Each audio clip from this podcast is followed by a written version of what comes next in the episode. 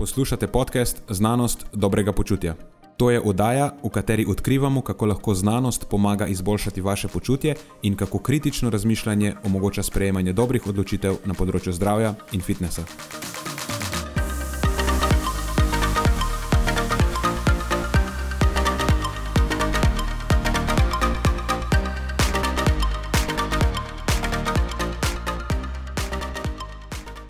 Pozdravljeni, z vami smo Nenad in moj sovoditelj Matjaš. Glavni temi tokratne epizode sta povezava uživanja mlečnih izdelkov z rakom dojke in vpliv turkesterona na pridobivanje mišične mase. Preden začnemo, pa se moram zahvaliti še našim sponzorjem. Zaenkrat to še vedno ni velika korporacija, temveč zvesti poslušalci, ki nam izkazujete zaupanje in podporo s prijavo v našo člansko skupino Znanost dobrega počutja. Hvala vsem, ki s tem držite luči prižgane in omogočate podkastu, da raste in postaja še bolj kakovosten. Hvala tudi vsem, ki nas podpirate s pozitivnimi komentarji in visokimi ocenami, ter s tem, da priporočate podcast svojim znancem in prijateljem. Zdaj pa je končno čas za začetek epizode. Uživajte ob poslušanju.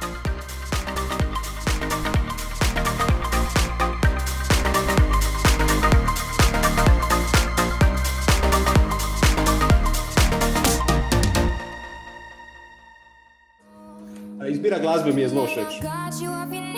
A se še spomniš tega komada? Uh, spomnim se, da je prišel prvič ven, pa smo ga v pisarni, pa naslednji teden. Pa si zavrtel 10.000 različnih variacij tega komada iz različnih koncertov. na robe se spomniš, imel sem dan na repeat njene live nastope. A, to no. Glavno, slišal sem ga. Ja, yeah, without me, Halsey. To mi je všeč, ne? pa te vedno dobim mešano na žaro, kar se tiče glasbe. Glih sem razmišljal, da mora biti malo variacije. Imela so tudi stuc, mhm. imela sva, eh, kaj je bilo nek latino laser boj glasbo, imela sva samo enega takega chill popa, nisva še imela. Nisem še slišal za žaler, imenovan tudi stuc, ampak ja, smo kar, smo kar prilega. Ja. Metal si itak skozi poslušal, tako da tega si po mojem zdaj naveličan. Ja, tega sem poslušal. Dejmo ostati malo na poporih časa. Pa pa. Zdravo, ne, ne, ne bom omejeval tvoje kreativne svobode, prosim, preseneti me vsak s čim novim. To to. Velja, velja. Bom poskrbel za inovativne te uvodne špice, ali kako bi temu rekla. Ja, tako, tako. tako. Um, Nenad, jaz sem slišal, da si bil ti pred kratkim v debati stoletja. Low carb versus the world je bil naslov. Ja, Tako je bil naslov. Okay. A, a, bi, a bi nam za vodno špico za ogrevanje malo predstavil, kaj se je dogajalo? Pa jaz sem šel tja z namenom, oziroma, čak, mogoče da začnem na začetku. Uh mhm. -huh. Namen debate, kot sem jaz razumel, ko sem bil povabljen v to debato, je bil, da se dve strani pogovarjata med sabo. Torej, ena stran, ki nekako ne vidi prednosti nizkohidratne diete, to je tista stran, Eh, kjer bi naj tudi delno jaz zastopal. In recimo Žan, pa Jrnej, nekako sem dobil občutek, pa v bistvu tudi Leon, mogoče videl koristi obeh pristopov, ne vem. Ampak recimo, da eh, smo mi nekako zagovarjali ta del, uh mhm. -huh. dočim na drugi strani pa se mi zdi, da je malo manjkalo nekih zagovornikov tega pristopa. Jaz sem šel tja, ker sem pričakoval, da mi bo končno, končno, končno nekdo predstavil dober argument zakaj bi se ljudem svetovala nizkohidratna prehrana. Torej, govorimo zdaj o ljudeh, ki so relativno zdravi ljudje, ne ljudje, kjer bi jim bila recimo ketogena dieta indicirana, tako kot v primeri refraktornih epilepsij, pa nekih drugih prirojenih presnovnih motenj. No, uh, ampak druga stran se nekako ni um, odzvala. Vem, ker mi je organizatori so mi rekli, da so bili povabljeni tudi glasni zagovorniki nizkohidratne prehrane pri nas. Nekaj se jih je že pojavilo, teh na našem podkastu, sicer niso bili gosti, ampak so bili na različne kraje zaprti. Um. Sem ravno hotel reči, da eden izmed njih enostavno ni mogel priti, ker je trenutno še zaprt v Filgodovi norišnici. norišnici. Ja, razlog, razlog ni bil ta, ker ta zaprt v Filgodovi norišnici je v bistvu samo prispodoba. Njegov izgovor je, je bil, da se on več s tem ne, ne ukvarja, ampak to je milo rečeno, uh, izmikanje, ker vsak dan objavi dve, v narekovajih, interpretacij, to so tako neki inter, alternativni interpretaciji nekih sveže objavljenih raziskav. Eh, tako da težko bi temu rekli, da se on več s tem ne ukvarja. Lahko bi pa rekli, da je bil to stisnjen rep med noge ali pa pač glava zakopana v pesek, ali pa pač, da se s tem ne ukvarja takrat, ko tega nima koristi. Uh -huh. Da stopam še mogoče še korak nazaj, še, še, še na bolj začetek. To se je vse odvijalo v okviru dneva kinozologije, ki, uh, katerega so organizirali kinvitalovci. Super, da si to omenil, pardon, ker sem pozabil. Uh, ideja je bila dobra, Vem, da Jurek, ki je bil moderator debate, je tako eh, všeč mi, ker je provokativen, rad ima malo drame, ampak mi smo očitno bili preveč klesi, da bi začenjali dramo, ali pa sem nismo imeli pravih uh, sogovornikov, ker v bistvu smo se na koncu vsi strinjali, uh, tudi vsi gostje, ki naj bi nekako poznali prednosti nizkohidratne prehrane, so se potem v bistvu strinjali s stališčem, da je nizkohidratna prehrana v bistvu brez veze. Če skrajšam to zgodbo. Ja, no, vse, točno to. Mislim, da je bil konsens. Uh dejansko tako. No. Ja. Pa, pa je pogovor trajal precej časa. Ne. Niste se uh, zapletli v vse različne teme, vezane na to, od generalne populacije, športnikov, vsega, vsega, vsega. vsega. Tako je. Ok, super. Uh, ja, ta ideja mi je bila v bistvu zelo, zelo všeč. Si pa predstavljam, da je to mogoče na naših tleh malo teže izvedljivo, ta, ta stil debatnega krožka. Ampak. E, veš kaj, ne vem, če je teže izvedljiv, ker ne bi bilo sogovorcev. Uh mhm. -huh.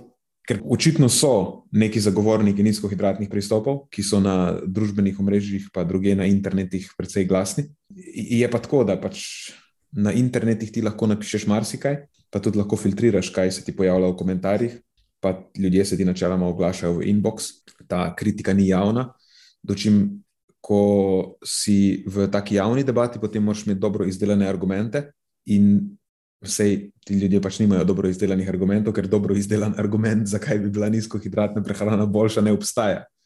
Ne obstaja samo neka pravljica o tem, eh, zakaj bi naj ta prehrana bila boljša, ampak ko je ta pravljica soočena z resničnim svetom, pa z dejanskimi podatki, zelo hitro razpade. Ja, ta, ta pravljica o um, inzulinski hipotezi je nekaj, s čimer se strašijo otroke pred spanjem. Ja. uh, ok, uh, no ja, v bistvu se, v bistvu se strinjam. Absolutno. Uh, mogoče pa le bomo probavali, ali pa bodo probavali uh, Kin Vitalovci, oziroma Jure, če bo še kdaj probo organizirati kaj na tem naslovu, pa bomo videli, mogoče se pa kaj razplete drugače v prihodnje. Ja, mogoče mora že pol leta prej dati javni poziv, pa ga tako razširiti. Po, ja, ja, ja. ker zdaj v bistvu ni bilo javnega poziva, ampak je nekako on na svojo roko kontaktiral te ljudi, ki bi bili zanimivi, tudi mi, ki smo že bili mišljeni v tej debati, smo mu predlagali par gostov, sem iz druge strani. Mislim, jaz sem itak na začetku najprej omenil vse tiste, oziroma predlagal vse tiste, ki naj bi bili najmočnejši sogovorniki na tem področju. Ampak tisti očitno niso bili zainteresirani za pogovarjati se z nami. Uh mhm. -huh. Ja, tako da to je v bistvu to. Sej, če se ti ljudje ne nočejo tega udeležiti, pa seveda ta debata ne bo izvedljiva. Vprašanje je, kako bi neka druga vprašanja bila aktualna za to. Mogoče na nekih drugih področjih, pa bi se vseeno našla, našli dve strani. Uh mhm. -huh. Pa bi se jo mogoče dalo tudi bolje argumentirati. Ja, recimo vegani proti pa. Uh -huh. Uh -huh. Ladno, da, evo, recimo, Jure, če slučajno to poslušaš, ideja za naslednjič. ja, evo, vidiš. Super. A imamo še kakšne aktualnosti na meniju? Um, jaz sem bil fasciniran, kdaj je bilo to prejšnji teden na eno stvarjo ki jo moram omeniti. Mislim, ne vem, če ima veze z zdravjem, pa dobrim počutjem, pa tudi, ampak je tako nekaj najbolj fascinantnega, kar sem videl v zadnjem času. Nekje na švedskem so izurili vrane, da pobirajo cigaretne ogorke. Kaj to je možno ja, dejansko? Ja, ja, itak. Neka naprava je, kjer te vrane dobijo, mislim, da hrano ali nekaj takega, in za vsak cigaretni ogorek, ki ga prinesejo, dobijo nekaj malega hrane. In potem so se naučile, da po mestu, pobirajo cigaretne ogorke in dejansko upravljajo neko smetarsko službo. In mi je bilo tako, wow, zakaj se tega za neke druge aplikacije ni že noben prej spomnil in kaj še vse lahko ptiče, vse ni nujno, da so vrane, pa tudi golobe se lahko naučilo. Da naučiti, da bi lahko družbeno koristnega izvajali. To je pa tak neverjeten koncept. Tako, ja. nekaj, nekaj direktno iz enega Hitchcock filma. Uh, zanimivo. Ja, tako rečejo, da so golobi, recimo, mest, leteče podgane. nekoristni, ja. pa se rejejo vse povsod. Ampak pazi to. Lahko bi bili leteči sklepari. Ja, efektivno jih lahko spremeniš v neko zelo koristno žival v mestu. Neverjetno. Ja. okay. Dobra aktualnost, všeč mi je. Ja. Uh, pa se jih mogoče pa posredno vseeno vpliva na, na naše zdravje in dobro počutje. Ne, ne. Ja. mislim, sej, mislim, ni lepo živeti v nesnaženem mestu. Se to pa ja. vemo, da je povezano z boljšimi izidi. Ljudje, ki živijo na zelenih, urejenih površinah, so načeloma boljšega zdravja. Uh, poročajo tudi o boljšem počutju kot ljudje, ki živijo v sivih in onesnaženih mestih. No, vidiš, direktna aplikacija za ta podcast. Mislim, da je uh, aktualnost na mestu. Okay, uh, če jaz prav razumem, mi dva nimamo veliko časa. Uh mhm. -huh. Tako da najboljše, da kar začneva. A, ja, mislim, da smo obrali isto strategijo, kot smo pretekli teden. Ja, smo ja. si znašli premalo časa vzeli. Ja, s tem, da jaz nisem zamudil danes. Ja, tokrat sem jaz kriv, priznam. okay. Tokrat so mlečni izdelki spet na sporedu. Hmm. In sicer povezava uživanja mlečnih izdelkov z rakom dojke. V tem primeru gre spet za meta-analizo, zelo svežo, 2021, in je zanimiva zato, ker pravzaprav povzema mislim, da prvič na tak način težo dokazal na tem področju. In eh, ki bi sploh začela? Pač rak dojke je ena taka stvar, ki je očitno velik problem. Ne vem, kakšni so podatki pri nas, ker jih nisem, v bistvu nisem jih niti iskal. Eh, bili so mi postreženi podatki iz Velike Britanije, v bistvu. In tamkajšnji podatki pravijo, da za rakom dojke v svojem življenju zboli ena od sedmih žensk in da je to v bistvu najpogostejša oblika raka pri tej populaciji in predstavlja 15 odstotkov, tu nekje okoli, vseh diagnosticiranih rakov na letni ravni, kar je v bistvu ogromno število. To je neverjetno veliko število. Ja. Mm. Je pa zdaj tako, to absolutno moramo eksplicitno izpostaviti, predtem sploh začneva govoriti o vplivu prehrane, da na razvoj raka dojk pomembno vplivajo številni dejavniki, ki so precej bolj pomembni kot prehrana. Starost, recimo, je eden, genetika, status estrogenskih receptorjev, menopauza, uh, recimo, da bi bili to štirje najpomembnejši. In ko govorimo o vplivu prehrane na kjerkoli vrsto raka, ne samo raka dojk, moramo biti zelo zadržani. Pa ne zato, ker bi želeli zmanjševati nekakšen pomen prehrane, ampak zato, ker je eh, vloga teh nekih večinoma nespremenljivih dejavnikov načeloma veliko, veliko pomembnejša kot prehrane, oziroma te nespremenljivi dejavniki so doskrat osnovni dejavniki tveganja. Ampak seveda ob tem potem tudi drži, da prehrana je nekaj, kar lahko interaktira s temi dejavniki in vpliva na, na skupni profil tveganja, rečemo temu. Ja, nekdo ima v osnovi že više tveganje, precej više tveganje zaradi nespremenljivih dejavnikov, ampak seveda potem je prehrana en dejavnik življenjskega sloga, ki lahko to tveganje umili ali pa ga ne, še bolj pritisne na plin. In zdaj tukaj na tej točki lahko staviš mlečne izdelke. Uh -huh. Mlečni izdelki so pa na, na tem področju. E, to je pa v bistvu na področju povezave prehrane z različnimi oblikami raka, ampak recimo, da se mi zdi, da še posebno tudi na področju tveganja za raka dojk. E, neka skupina živil, ki je v zadnjem obdobju deležna tako, ne moreš reči, samo zanimanja, ampak direktnega sovraštva v bistvu Uh -huh. Tako od raznih dokumentarcev do uh, raznih pravljic o tem, kako vsebuje škodljive količine hormonov, kako vpliva na IGF-1 in uh, ustavi še neko drugo poljubno pot, pa izločanje sluzi in ne vem, kaj še vse ne. A kako nas ja. lahko zasvoji in podobno. Mislim, ja, ra razne pravljice lahko poslušaš o tem. Ampak zdaj že vemo, da nič od tega ni, ni znanstveno utemeljeno mnenje, eh, ne glede na to, kjer je ugledni znanstvenik takšne resnice propagira. Zdaj, če se tam v nekem dokumentarcu pojavi uh, ne vem, Frank Hu ali pa Walter Willett, to še ne pomeni, da je to v redu dokumentarc. Uh, tako da je to fino upoštevati. No? Pač dokumentarci so zabavna vsebina, ne poučna vsebina. Če jih marsikdo misli, da so dokumentarci poučni. Dokumentarec je v bistvu filmska verzija resničnostnega šova. Uh, ampak dobro, da ne zaidem. No, večina ljudi bo najbrž bolj presenečena, če poveva, da podatki v bistvu kažejo nasprotno. Imamo kar nekaj kohortnih raziskav, pri katerih je višji vnos mlečnih izdelkov povezan z nižjim tveganjem za raka dojke, eh, in to tako pri ženskah pred menopauzo, kot tudi po menopauzi. In mogoče še ena, komu presenetljiva ugotovitev bo ta, da je ta povezava najbolj dosledna za manj mastne mlečne izdelke in ne toliko za polnomastne mlečne izdelke. Oziroma za polnomastne je včasih celo nasprotno. In no, tukaj zdaj pride na vrsto ta članek, s katerim se bomo ukvarjali, ki je povsem sveža, oziroma relativno sveža iz leta 2021, meta-analiza opazovalnih raziskav, ki so preverjale povezavo uživanja mlečnih izdelkov s tveganjem za raka dojke. In v bistvu to tukaj zdaj gre za najbolj aktualen povzetek teže dokazov na tem področju. Avtori so He in sodelavci. The relationship between dairy products intake and breast cancer incidence, a meta-analysis of observational studies, to je pa v BMC Cancer objavljeno. In v to meta-analizo so avtori vključili vse relevantne raziskave, ki so bile objavljene do januarja 2021. Tako da v bistvu je pa praktično vse, kar lahko najdeš s tem naslovom in z določenimi vključ vključitvenimi kriteriji. Pač raziskava je morala biti tipa prospektivna kohortna oziroma klinična primer kontrola, to je ta clinical case control. Če glih tukaj na tej točki, se imam, to bom pri minusih povedal, ampak zakaj daš clinical pred case control? Zato, da maskiraš to, da je case control za nič metoda. Mislim, po domače povedano, se šalim, se ni. Um, v redu je, če upoštevaš, da ima določene pluse in minuse in to vključiš v interpretacijo. Ampak pač ne dajati clinical case control, mislim. Pač case control je. Ulepšuješ to, kar ne. Pač nahaja se bolj na dnu tiste lestvice, hierarhične ja. lestvice, uh, kateri koli pridevnik predtem ne bo tega dvignil gor. ja, točno tako. Pač določena zasnova in vsi vemo, da ima omejitve. Mislim, ne da je klinika, zdaj da bo zunelo boljše. Ok, aj da je gres, ne kako rečejo. Mhm. Vzamem nazaj, oziroma stopim nazaj.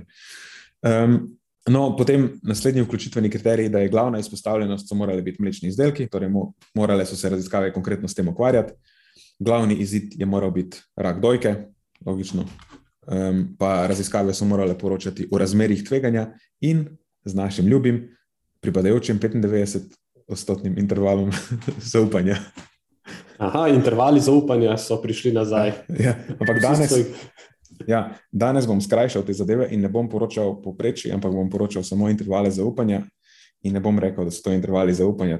Um, ker zadnjič je nastopila neka zmeda, ko sem poročal poprečja in intervale zaupanja kasneje, in potem so ljudje vprašali, kako so zdaj lahko tako natančno te odstotke ocenili. Ne? Ampak, mislim, nič niso natančno ocenili. Intervali zaupanja so bili izjemno široki. Jaz sem samo povprečje povedal kot glavno številko, potem pa še na koncu interv interval zaupanja. To pomeni, da je lahko prava vrednost kjerkoli znotraj tega. In če je interval zaupanja v 10 do 30 odstotkov, potem to pogoje ni natančno. Eh, tako da, mogoče je ja, malo, malo preveč statistično težka je bila ona epizoda, tako da se upravičujem za to. E, torej, ok, jaz smo pri rezultatih. Vidno, razsvetli nas. Ja, vidiš.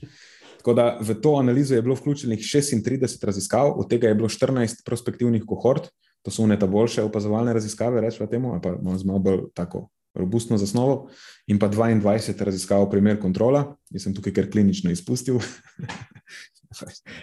v kohortnih raziskavah je pol bilo vključenih skupaj 913 tisoč udeleženk, oziroma je bilo vključenih skoraj 913 tisoč udeleženk, z malo več kot 25 tisoč primeri raka dojke. V raziskavah primer kontrola je bilo pa vključenih malo več kot 106 tisoč udeleženk z dobrimi 18 tisoč 500 primeri raka dojke. Dakle, število skupnih udeleženk in tudi dejanskih izidov, tako da so lahko dobro analizo naredili. In potem imamo končne rezultate te njihove analize, in imamo v bistvu troje rezultate, rečemo temu. Imamo za skupni vnos mlečnih izdelkov, imamo za primerjavo fermentiranih in nefermentiranih mlečnih izdelkov, pa imamo primerjavo polnomastnih in manjmastnih mlečnih izdelkov. In itak poročal bom samo ono, kar je relevantno, tisto, kjer ni bilo povezave, bom spustil. Za skupni vnos mlečnih izdelkov je uživanje mlečnih izdelkov v primerjavi z neuživanjem mlečnih izdelkov Eh, ne vem, če lahko temu rečeš, abstinenca od mlečnih izdelkov. Torej, uživanje mlečnih izdelkov je bilo povezano z 1 do 9 odstotnim znižanjem tveganja za raka na dojki. In tukaj so ugotovili, da status menopauze ni bil uh, statistično značilno povezan s tem. Torej, je bilo približno podobno in pred in po menopauzi. No, potem imamo za primerjavo fermentiranih in nefermentiranih mlečnih izdelkov. Tukaj so bili fermentirani mlečni izdelki povezani z 1 do 7 odstotkov znižanim tveganjem za raka dojke, ampak samo pri ženskah po menopauzi. In potem imamo primerjavo polnomastnih in manj mastnih mlečnih izdelkov. No, tukaj pa je ena zanimivost. Vnos polnomastnih mlečnih izdelkov je bil povezan z nič do 13 odstotkov povišanim tveganjem za raka dojke. Tako da povišanim. Ampak to je v bistvu komaj da statistično značilno, ker tukaj ta naš interval zaupanja, ki je od nič do 13, eh, skoraj vključuje ničlo, ni glih čist tehnično na ničli, ampak je bliže ničli kot enki, pa so pol poročali kot ničlo. Eh, tako da je malo nad ničlo, ne točno nič, ampak vidimo, da prava vrednost oziroma pravi učinek se nahaja nekje tukaj noter, od 0 do 13, ali pa do 0, od 0,1 do 13. Tako da v bistvu ne vemo, ali je to zelo, ali je sploh pomembna ali ni pomembna povezava.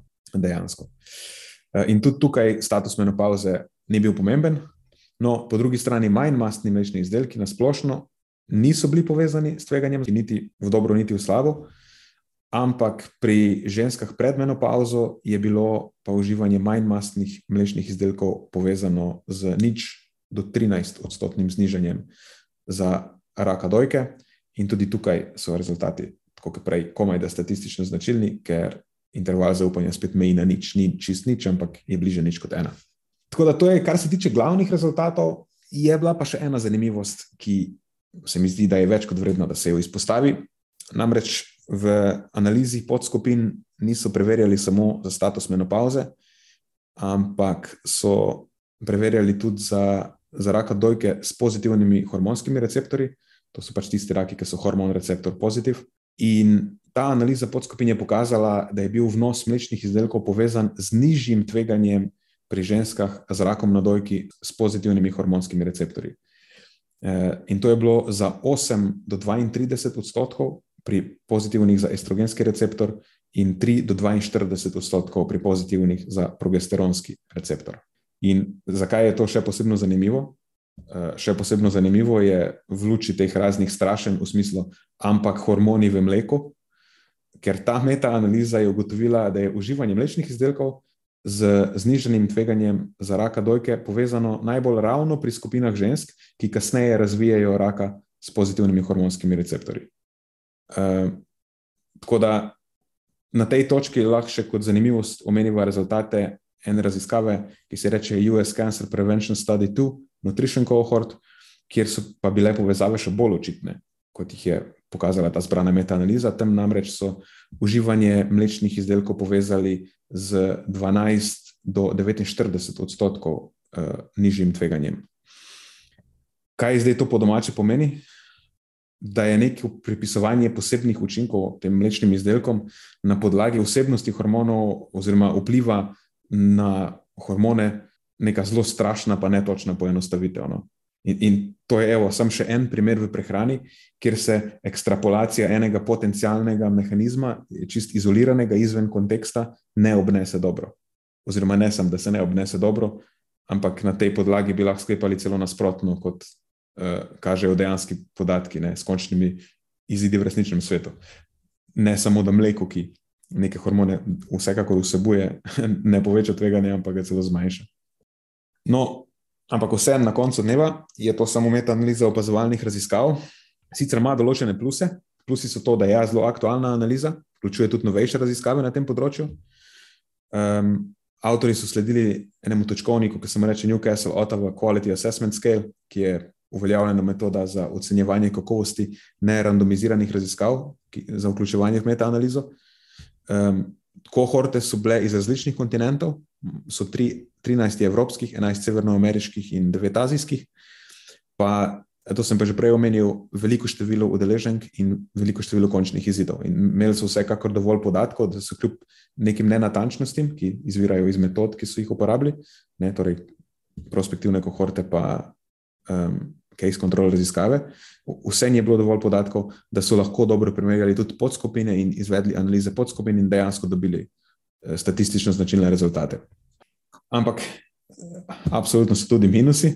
Eh, en je kot že tisti prej omenjeni, da zakaj daješ pač klinično tam zraven, ker je zavajanje. Um, še en velik minus je ta, da niso dodali funnel plotov, mislim, nepojasnjeno. In to je pač velik no-no. Dejansko ne moreš zdaj na enostaven način razbrati, kakšno težo dokazov, k končnim rezultatom je prispevala kera vključena raziskava.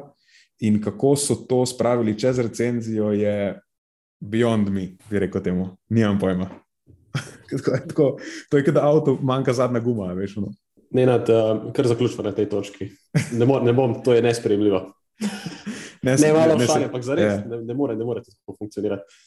Um, um, se to ne pomeni, da je, da je analiza, da je z analizo karkoli narobe, ne? ampak vseeno, tukaj se gre za nekaj, kako se temu reče.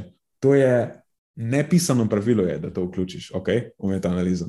To je taka osnovna kultura, kulturna ja. praksa. To pač ja. mora biti tam.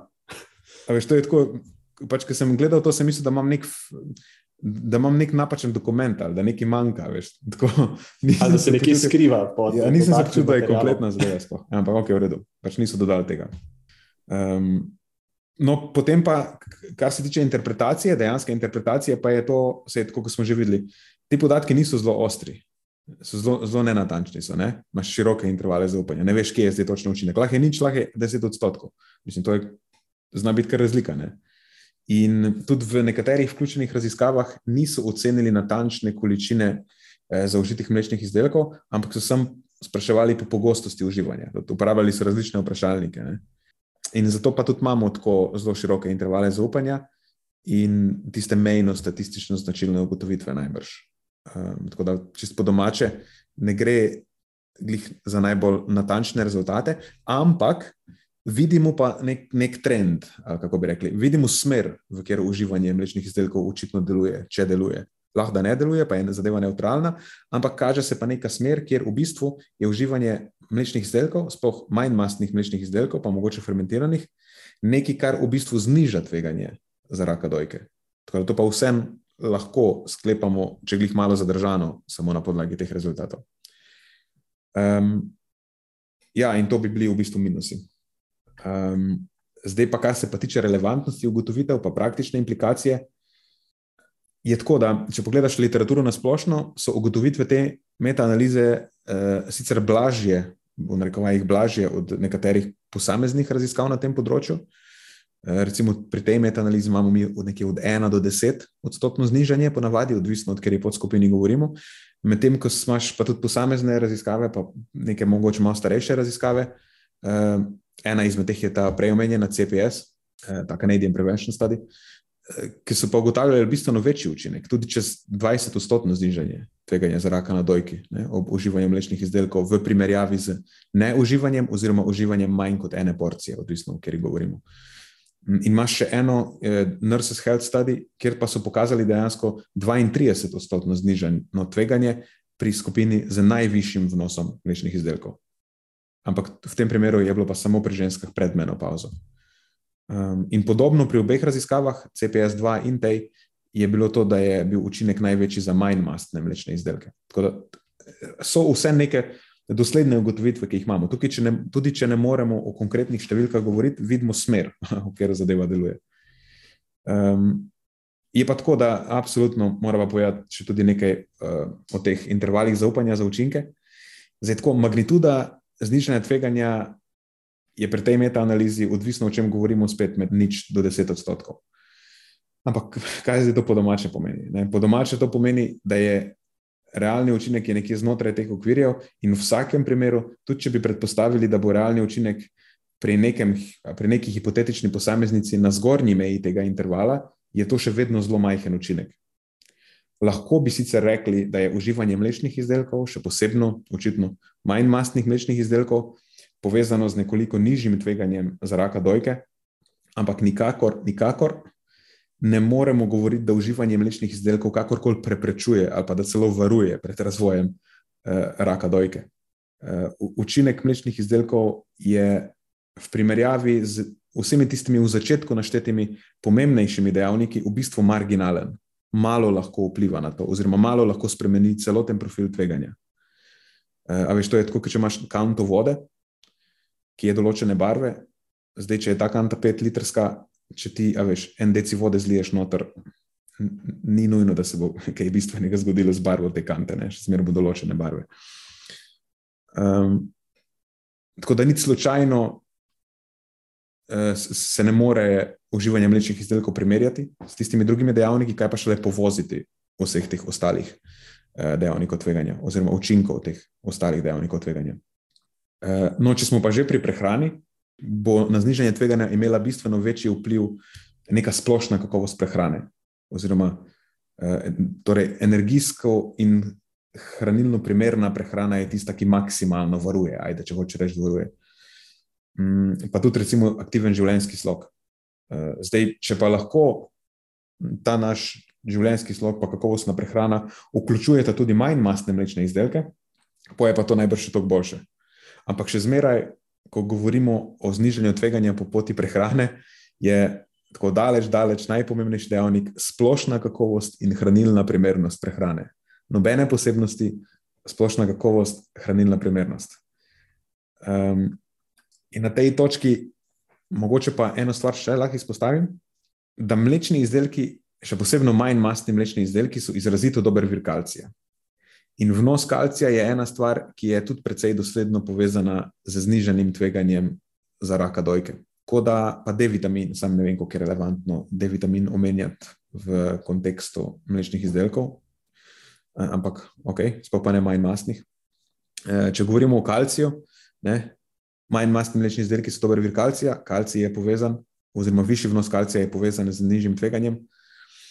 Eh, tako da mogoče je vprašanje, ali gre pri mlečnih izdelkih delno tudi za učinek povišanega vnosa kalcija. In mogoče, ali bi bil potem povišan vnos kalcija iz nekih alternativnih virov tudi podobno učinkovit. To so neka vprašanja, ki ostajajo. Zaenkrat upam trditi za to smer samo v zvezi z um, mlečnimi izdelki, pa konkretno dodajanjem kalcija, ampak mogoče pa tudi sojno mleko z dodanim kalcijem se bo kdaj izkazalo, da je podobno pozitivno. Tako da zdaj pa, če potegnem samo še črto, pa res zaključek, zaključek naredim. Ta trditev, da so mlečni izdelki problematični, ker bi lahko povečali tveganje za raka dojke, to je, to je plod domišljije. To nima absolutno nobene podpore v znanstveni literaturi.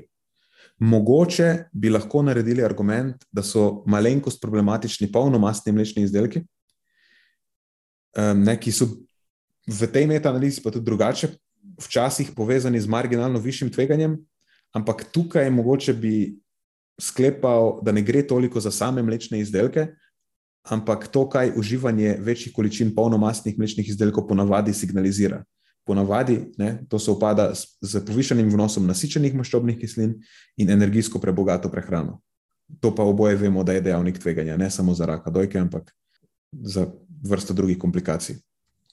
Tako da glavni nauk zgodbe je, da vključevanje manj mastnih, predvsem manj mastnih mlečnih izdelkov, še posebej v okviru kakovostne in primerne prehrane, bo, pa sem precej siguren, da bo vsaj malo koristno prispevalo k zmanjšanju tveganja. Tudi če je ta učinek pa praktično zanemrljiv, mislim, na koncu dneva, zakaj jih ne bi vključili, če pa imajo prehransko gledano manj mastni mlečni izdelki eh, kupenih prednosti. Mislim, dober vir kalcija so, dober vir visoko kakovostnih beljakovin, priročni in vse stranski za uporabo. Ne vem, ali rabim še kaj dodati. ne, mene si prodal. Upam, da tudi preostale. Um, ja, ja, super si to predstavljal. Jaz upam, da bo to sporočilo šlo skozi, da se bo nehalo počasi toči po teh bogih mlečnih izdelkih, ker še vedno prejemamo ogromno sporočil na tem naslovu. Ne samo zaradi raka dojke, ampak zaradi mnogih, mnogih drugih stvari, ki si jih prej predstavil v vodu. Uh, tako da ja, upam, da bo to sporočilo šlo skozi, pa čeprav kot vedno predstavljava tako nepopularno mnenje, a ne stališče, ki ni črno-belo, ampak je nekje na sredini. Skratka, zgodba je več kot očitno taka, da zagotovo ni negativnega vpliva mlečnih izdelkov, ampak je neutralen oziroma rahlo pozitiven, še posebej za manj masne mlečne izdelke. In pa tako, kot si rekel, ne, pogovarjamo se o realno gledano manj pomembnem dejavniku napram drugim dejavnikom prehrane in življenjskega sloga in napram preostalim dejavnikom nižanja tveganja za raka na dojki na splošno. Tako da, ok, odlično. Ud, pa se pa zdaj ti na vrsti. Jaz bom zašel tudi v eno kontroverzno temo. Sicer uh, si predstavljam, da manj kontroverzno temo kot mlečni izdelki, zagotovo, zato ker je omejena na malo bolj specifične kroge, za, na tiste kroge, kjer so uh, genzi najbolj pomembni, ne? pridobivanje mišične mase. A pa tukaj, tukaj. Tako, tukaj. Uh, Nenad mi kaže svoj biceps. vem, da, vem, da naj samo poslušate in ne vidite. Tako da, ja, danes nekaj o dopolnilu, ki se mi zdi, da dviguje prah v zadnjem času v teh fitness krogih in to je tako imenovani torkesterol. Moram jaz eh, pazljivo poslušati, ker sem povečal breme eh, vzdržljivostnega treninga in moram paziti za svoje genise, tako da mi boš kar povedal, ker torkesterol lahko jemljem. Absolutno. In sva zaključila. Ti, ti že pošiljam link na čat in to je to. ja, lej, veliko ljudi na, na internetih. To je očitno beseda dneva danes za ta podcast na internetih. Je milo rečeno pretirano optimističnih o učinkovitosti torkesterona. V mislih imam predvsem Andrew Hubermana in Joe Rogana, a.k.a. moji najljubši podcasteri. In to pravim z vsem možnim sarkazmom. Ali lahko, prosim, vletim na tej točki? Pa ja, da je prosim. Andrew fucking Huberman. To je, to je meni res fascinantno. On je nekdo, ki je textbook primer tega, da z nekimi zapletenimi, znanstveno zvenečimi besedami učara ljudi, ki itak nimajo pojma, o čem razlaga. Ampak mislijo, da on je pa zdaj ful pameten in bolj pojejo vse, kar jim servira. Ampak model realno je šarlatan. On je zelo dober neuroznanstvenik, ampak pa zaide na področje vadbe in prehrane. Pogovarjal sem se mimo grede, to, kar se tiče vadbe, ni moje mnenje. Z ljudmi, ki jim zaupam, kar se tiče vadbe. In so v bistvu imeli isto reakcijo, kot jo jaz doživljam, ko on govori o prehrani, so imeli takrat, ko oni njega poslušajo, ko govori o vadbi. Model, ker nekaj prebija. Uh, in pol to pokal podkrepi z znanstvenimi članki. In obstaja en profil na Instagramu, ki se mu reče nek, um, nek fizijo memes ali nekaj takega. Uh -huh, ja. In so v bistvu čekirali um, on je nekaj tweetnil, nekaj v zvezi z vadbo, se mi zdi. In potem, ga, potem ga je nekdo vprašal v enem tweetu, dobro, model, a imaš za to kakšne znanstvene dokaze, vse kar nekaj, kar spominja na znanstvene dokaze. In je tako v naslednjem tweetu prelepil pač povezave do nekih sicer, ja, znanstvenih člankov. In potem so šli in so vsakega posebej preverili.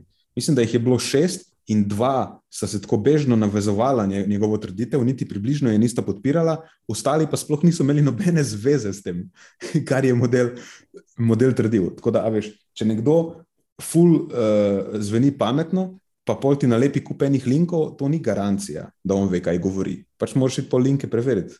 Ta Andrew Huberman je tako nekdo, ki mi gre trenutno zelo na živce. Ja, um, pristajamo v ta isti kamp, zato ker, kot si povedal, zelo dobro je artikuliran, eh, ta tako dobro nastopač je, ampak ja. nima, pa, nima pa podkrepljenih mnen. In, in razumem, kako bi lahko, kako ljudje na, na prvo žogo hitro padejo na to, kar govori, pa mu sledijo. Pa, ampak, veš, treba je več kot to. No? Treba je dejansko servirati ti potem z nečem, kar veš, vsaj spominja na nek dokaz. Ne? tako da. Um, glej, želja tega segmenta je bila, no, pa da ne omenjam Joe Rogana, no, to pa je zdaj debata. Mislim, da Joe Rogan je tam pač en model z ulice, ki je full dober uh, v intervjuvanju ljudi. Jaz dejansko poslušam Joe Rogan Experience, ki mi je zabaven podcast. Samo vse jemljem s čepcem soli, pač to je za me vir zabave. Poslušam une modele, ki prihajajo, pa prebijajo razne neumnosti, ampak niti slučajno, niti slučajno ne uporabljam na svetov, ki so servirani na Joe Rogan Experience, kot nekaj, po čemer bi jaz modeliral svoje življenjske odločitve. Mislim, lepo vas prosim. Mislim, a, se, a, a se šalite? Mislim, ja, jaz tudi poslušam Rogana v, z enako mero, kot poslušam oziroma gledam dokumentarce o temi prehrane. model, model, model je komik, mislim, smešen je. Mislim, dejansko je on eden izmed mojih ljubših stand-up komikov. Samo to še ne pomeni, da bo moj life mhm. coach, uh -huh. nek moj guru, kjer bom pač vse, kar bo prišlo iz tega vira, da bom slepo zaupal. Ja, to mislim, absolutno. da ni, ni dober pristop v življenju. Ja, in, in težko je kdaj ločiti dve stvari. mislim, ni to neka visoka stopnička, če sem iskren. Ja, po stand-up komiku ne greš po nasvete v zvezi z zdravjem. Ne? Mislim, to bi moglo biti res jasno zdaj na tej točki že. Fair enough. Okay. Uh, Tako da, ja, evali, želja tega smenta je bila to, da, da predstavimo orkestronu v, v pravi luči, no, njegovo učinkovitost. Uh, da si pogledamo dejansko, kaj pravi znanost na to temo. Pa bi pa poskušal izpeljati še eno malo večjo lekcijo ven iz tega, ki, ki pa ne na zadnje nima niti veze s orkestronom. Tako da, za začetek, kaj sploh je ta zadeva, ta, ta čuden izraz. Uh, to je eden izmed mnogih ektisteroidov, uh, tako zelo lajično bi jim rekel, uh, rastlinski steroidni hormoni, tudi najdemo jih v nekaterih žuželkah. In ker je struktura tega progesterona zelo podobna testosteronu, se je nekaterim raziskovalcem postavilo vprašanje, če je tudi njegov učinek morda podoben testosteronu. In tako se je nekako začelo raziskovanje to teme. Tako da, evo, dovolite, da vas popeljem nazaj v Sovjetsko zvezo leta 1978, ko izide prva raziskava na to temo, raziskovalcev Sirov in sodelavci, naslovljena Effects of Testosterone on the Activity of the Protein Synthesizing System of Mousing Liver. In tukaj so odkrili na miškah, ne, kot pove naslov, da je dodatek testosterona spodbujal sintezo jedrnih beljakovin. Uh, omenjam to raziskavo samo zato, ker sem jo videl že v parih krogih, da se je dejansko citirala kot nek legitimen vir, da ne bi ta stvar bila učinkovita. Ampak realno gledano iz tega nič ne moreš razbrati, ker pač raziskava je narejena na miškah in ker sinteza jedrnih proteinov absolutno ni enaka sintezi mišičnih beljakovin. Ne vem, zakaj moram to sploh razlagati. V naslovu je vse napisano. Tako da lagremo kar mirno hitro naprej. Jaz zdaj to, a veš, predvideva, da moš tudi malo čez naslov kako stvar prebrati. Eh, ne moreš samo reči, oh, link, le, kul, znanstvena referenca.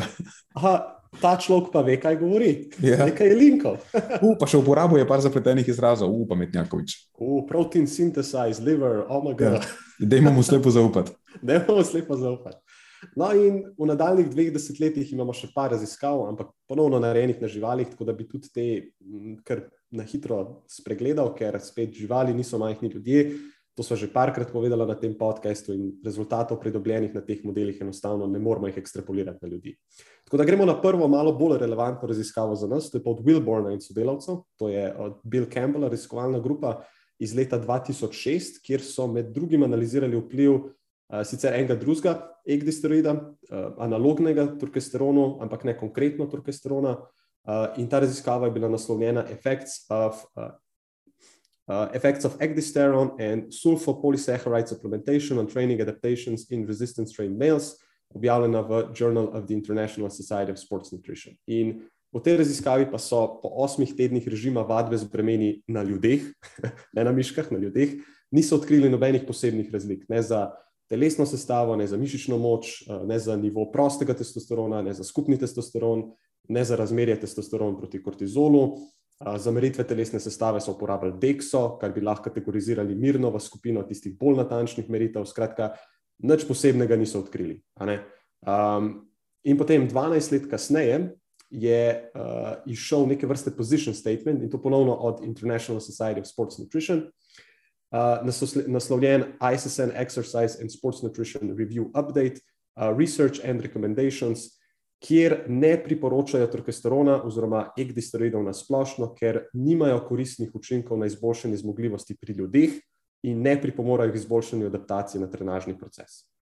Uh, tako, nekako se je to bilo za leta 2018, potem pa takoj naslednje leto, leta 2019, pa izide nova raziskava od Isenmana in sodelavcev, ki je bila pa naslovljena Egdisteroids as non-conventional non anabolic agent performance enhancement by ecdysterone supplementation in humans. No, in evo, zdaj to je ta raziskava, ki je pa pravzaprav povod za ta segment, zato ker podporniki testosterona ravno to raziskavo citirajo najpogosteje v bran uporabi tega dopolnila. Predvsem zato, ker je narejena na ljudeh, ker je dejansko odkrila nek pozitiven učinek. Ampak spet, če gremo mogoče malo preko samega naslova, pa si preberemo, kaj za vraga so sploh delali, kaj so odkrili, pa vidimo sledeče. Ne?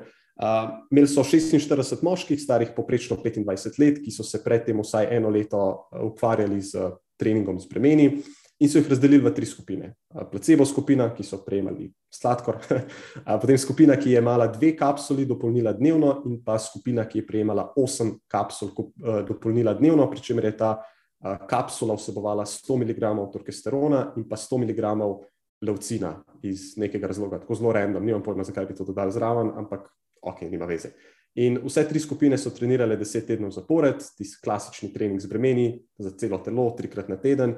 In na koncu sta obe skupini, ki sta prejemali dopolnilo, imeli bistveno boljši rezultat v smislu telesne sestave. Pridobili so tam slabi 2 kg puste mase napram placebo skupini, pa tudi moč merjena preko maksimalnega bench pressa se je bistveno izboljšala. Ampak pazi, to ne nekje v, v rangu dobrih 8 do 10 kg v teh desetih tednih. Tako da, mogoče samo ena izmed teh lučk, rdečih lučk, ki se je meni prižgala, ko sem bral ta, to raziskavo, pa bi predstavil še vse ostalo ven, ki so mi nekako sekala. Uh, zdaj, prvo je dejstvo, da so uh, naknadno naredili analizo uporabljenega dopolnila.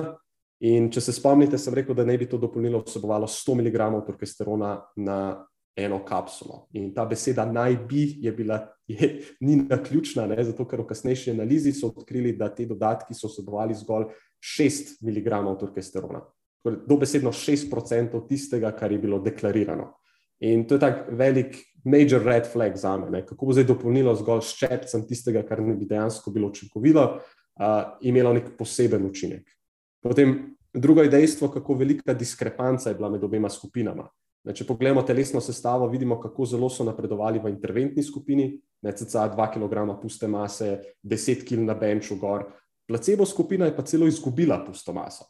Zdaj, to se sicer občasno zgodi, ampak težko verjamem, da je to res možno, oziroma to, da imamo eh, skupino relativnih novincev, ki so šli skozi desettedenski strukturirani program vadbe z bremeni.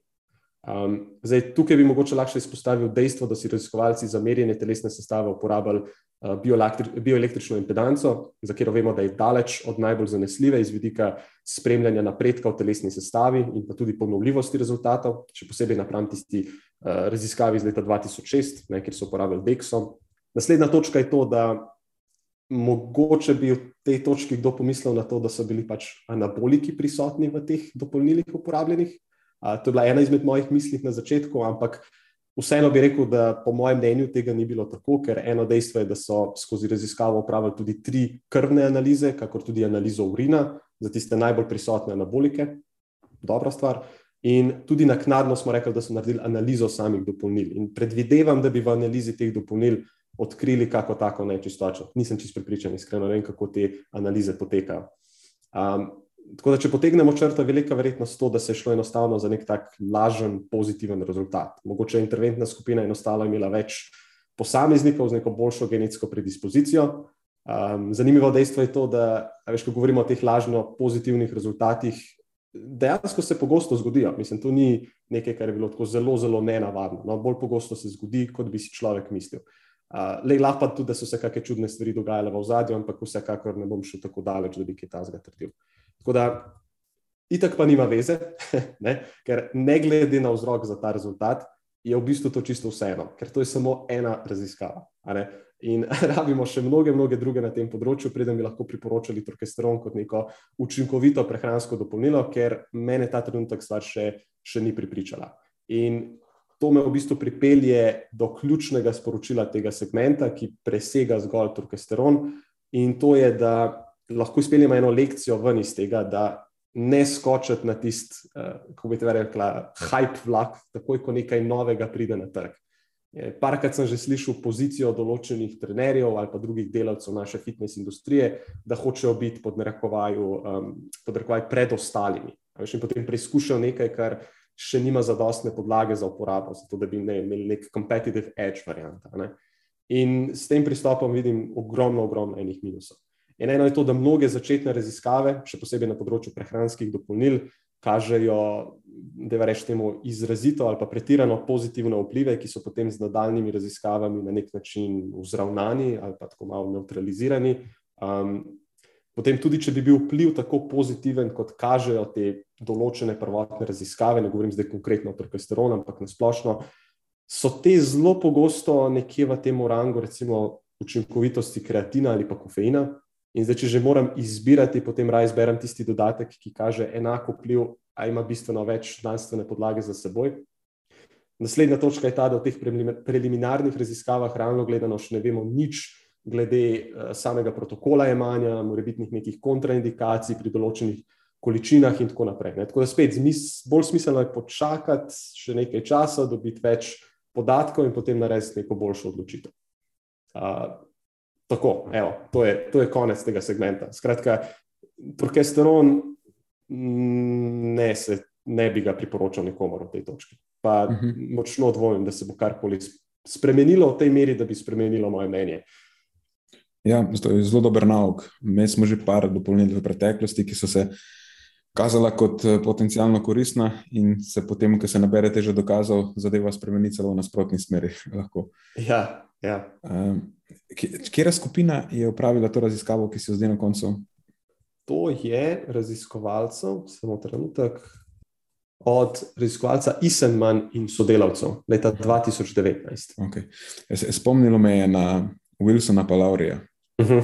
Tudi mene, ja. prva asociacija. Ti rezultati so zelo podobni tistim v tisti njihovi HMB raziskavi, kjer so ugotovili, da je zadeva boljša od steroidov. Tako. Ja, v bistvu.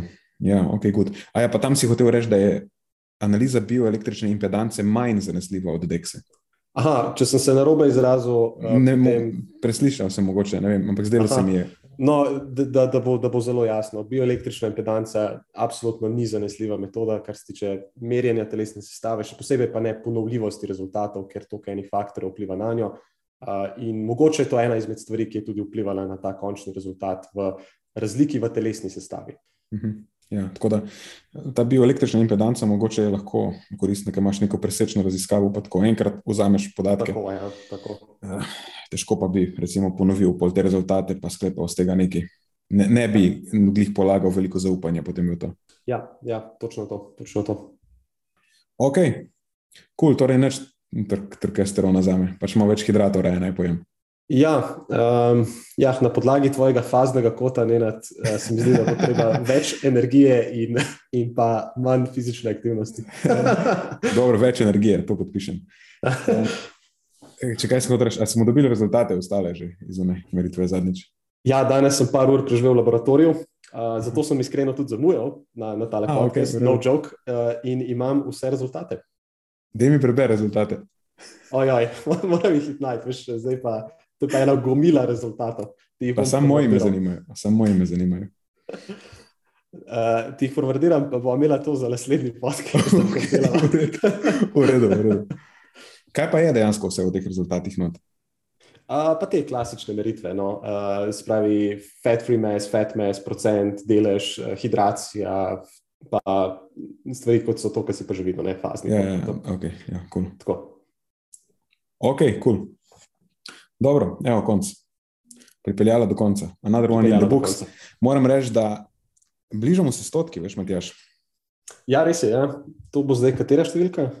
86. 86. Ok, ok. Kmalo pa začnemo odštevati. Ja, še malo pa začnemo odštevati. Okay, Potem okay. pa bi bilo dobro Sari. razmisliti, kaj bo za stoto epizodo. Uh, glede na to, kako, koliko časa mi rabimo, da kakšne stvari speljemo, mogoče fajn, da začnemo zdaj razmišljati. Ja. Ja. Ampak niti v najbolj divjih sanjah si nisem predstavljal, da bomo kdaj prišli do 100. Je, ja, res je. Res je. Mene je že tista 52, ki presenetila, če sem čisto iskren, ja. zdaj pa že dupla doza. Ampak dobro, zdaj smo, zdaj smo že v igranti. Ja, ja, zdi se mi, da res. Ok, good. Dobro,